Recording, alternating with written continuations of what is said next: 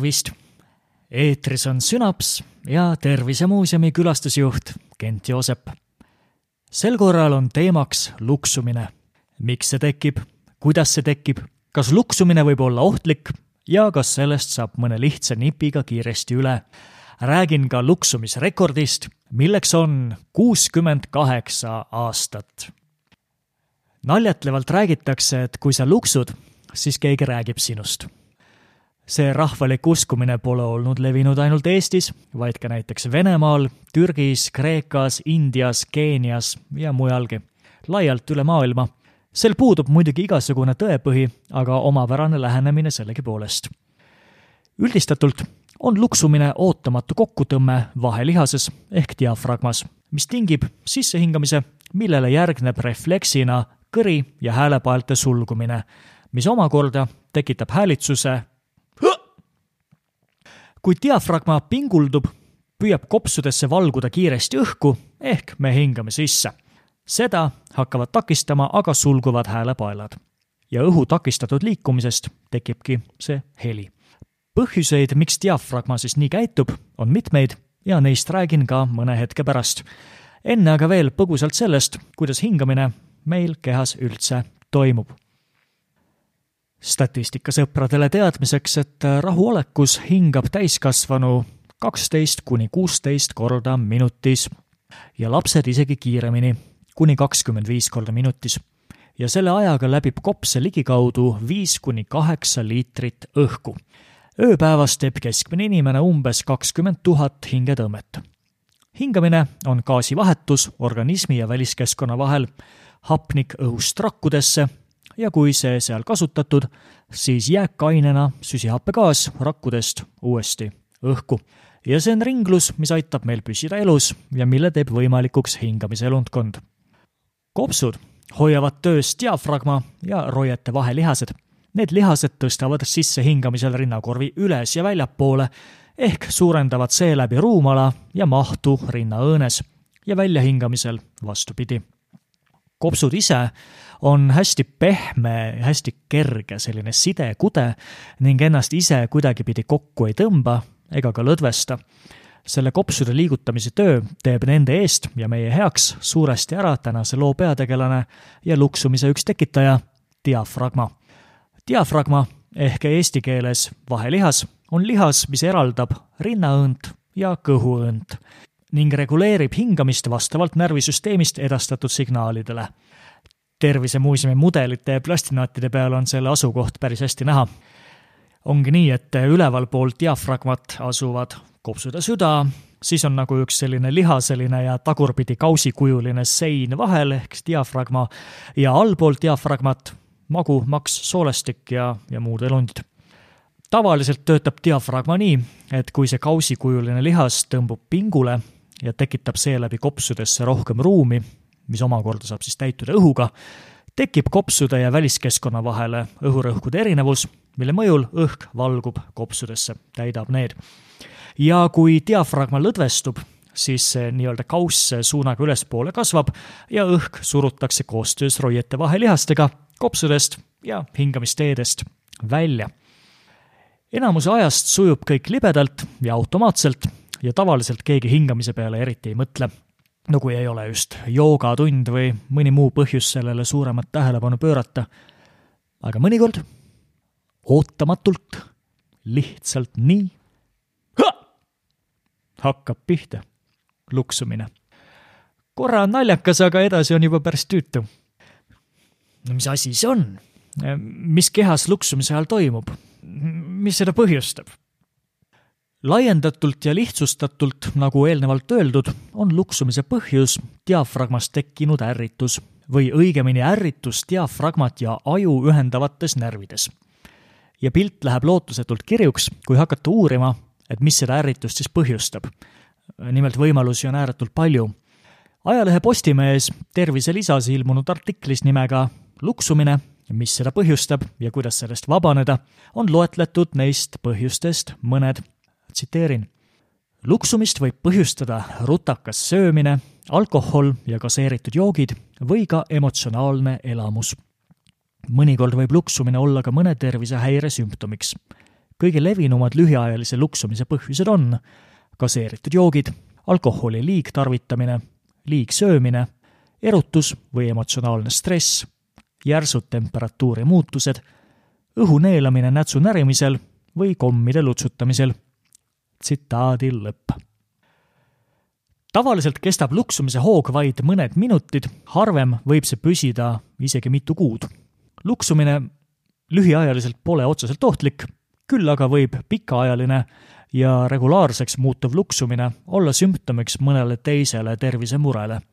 arsti poole soovitatakse pöörduda, kui luksumine on kestnud juba mitmeid tunde või on sedavõrd tugev, et tekitab söömisel, magamisel või ka hingamisel juba probleeme. muide, maailma pikima järjestikuse luksumise rekord on kuuskümmend kaheksa aastat ja selle all kannatas ameeriklane Charles Osborne see Charles Osborne luksus alates aastast tuhat üheksasada kakskümmend kaks kuni aastani tuhat üheksasada üheksakümmend ning kanti selle eest ka Guinessi rekordite raamatusse. kas ta sellest ise rõõmu tundis, raske öelda, aga igatahes lugu oli selline. Härra Osborne hakkas luksuma pärast seda, kui ta üritas kaalumiseks tõsta üht saja viiekümne kaheksa kilogrammist siga ja see siga talle peale kukkus härra Osborne nimelt oli põllumees ja loomakasvataja. arvatakse, et sellest pingutuse hetkest alanud katkematu luksumise taga võis olla mõni lõhkenud veresoon ajus. Osborne'i püüti küll aidata mitmete operatsioonidega, kuid need ei täitnud oma eesmärki ning ta luksus suurema osa oma elust keskmiselt umbes kakskümmend kuni nelikümmend korda minutis. nooremana oli tempo kiirem, umbes nelikümmend korda minutis ja vanemas eas aeglustus kahekümne korrani minutis. viiekümnendates eluaastates õppis ta Mayo kliinikus hingamistehnika, mis võimaldas tal luksatuse häälitsust mõnevõrra vaigistada, nii sai ta öösel paremini magada. Kui Osborne'i lugu jõudis ajakirjandusse, hakkas ta saama tuhandeid kirju, milles inimesed tundsid talle kaasa ja andsid erinevaid nõuandeid, mis võiks aidata. näiteks hingake paberkotti, jooge külma vett, ja nii edasi ja nii edasi.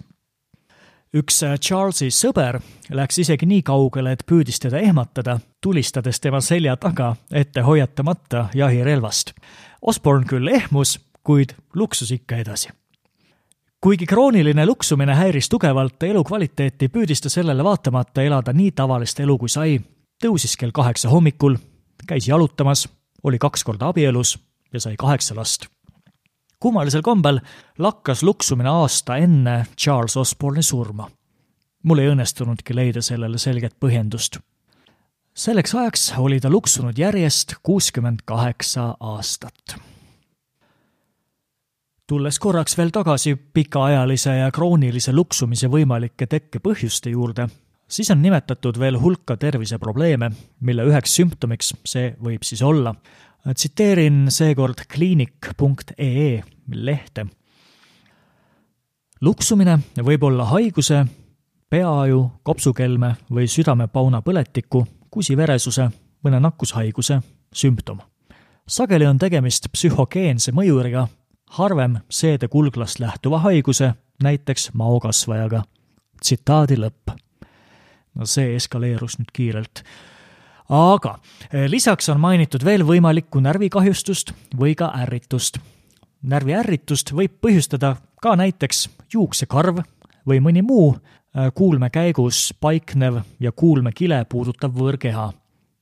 ühesõnaga, on väga palju võimalusi ja iseenda diagnoosimine viib tõenäoliselt kiirelt eksiteele. ja kui ikkagi pikaajaline ja sagedane luksumine teeb muret, siis palun pidada nõu perearsti või mõne muu eriarstiga.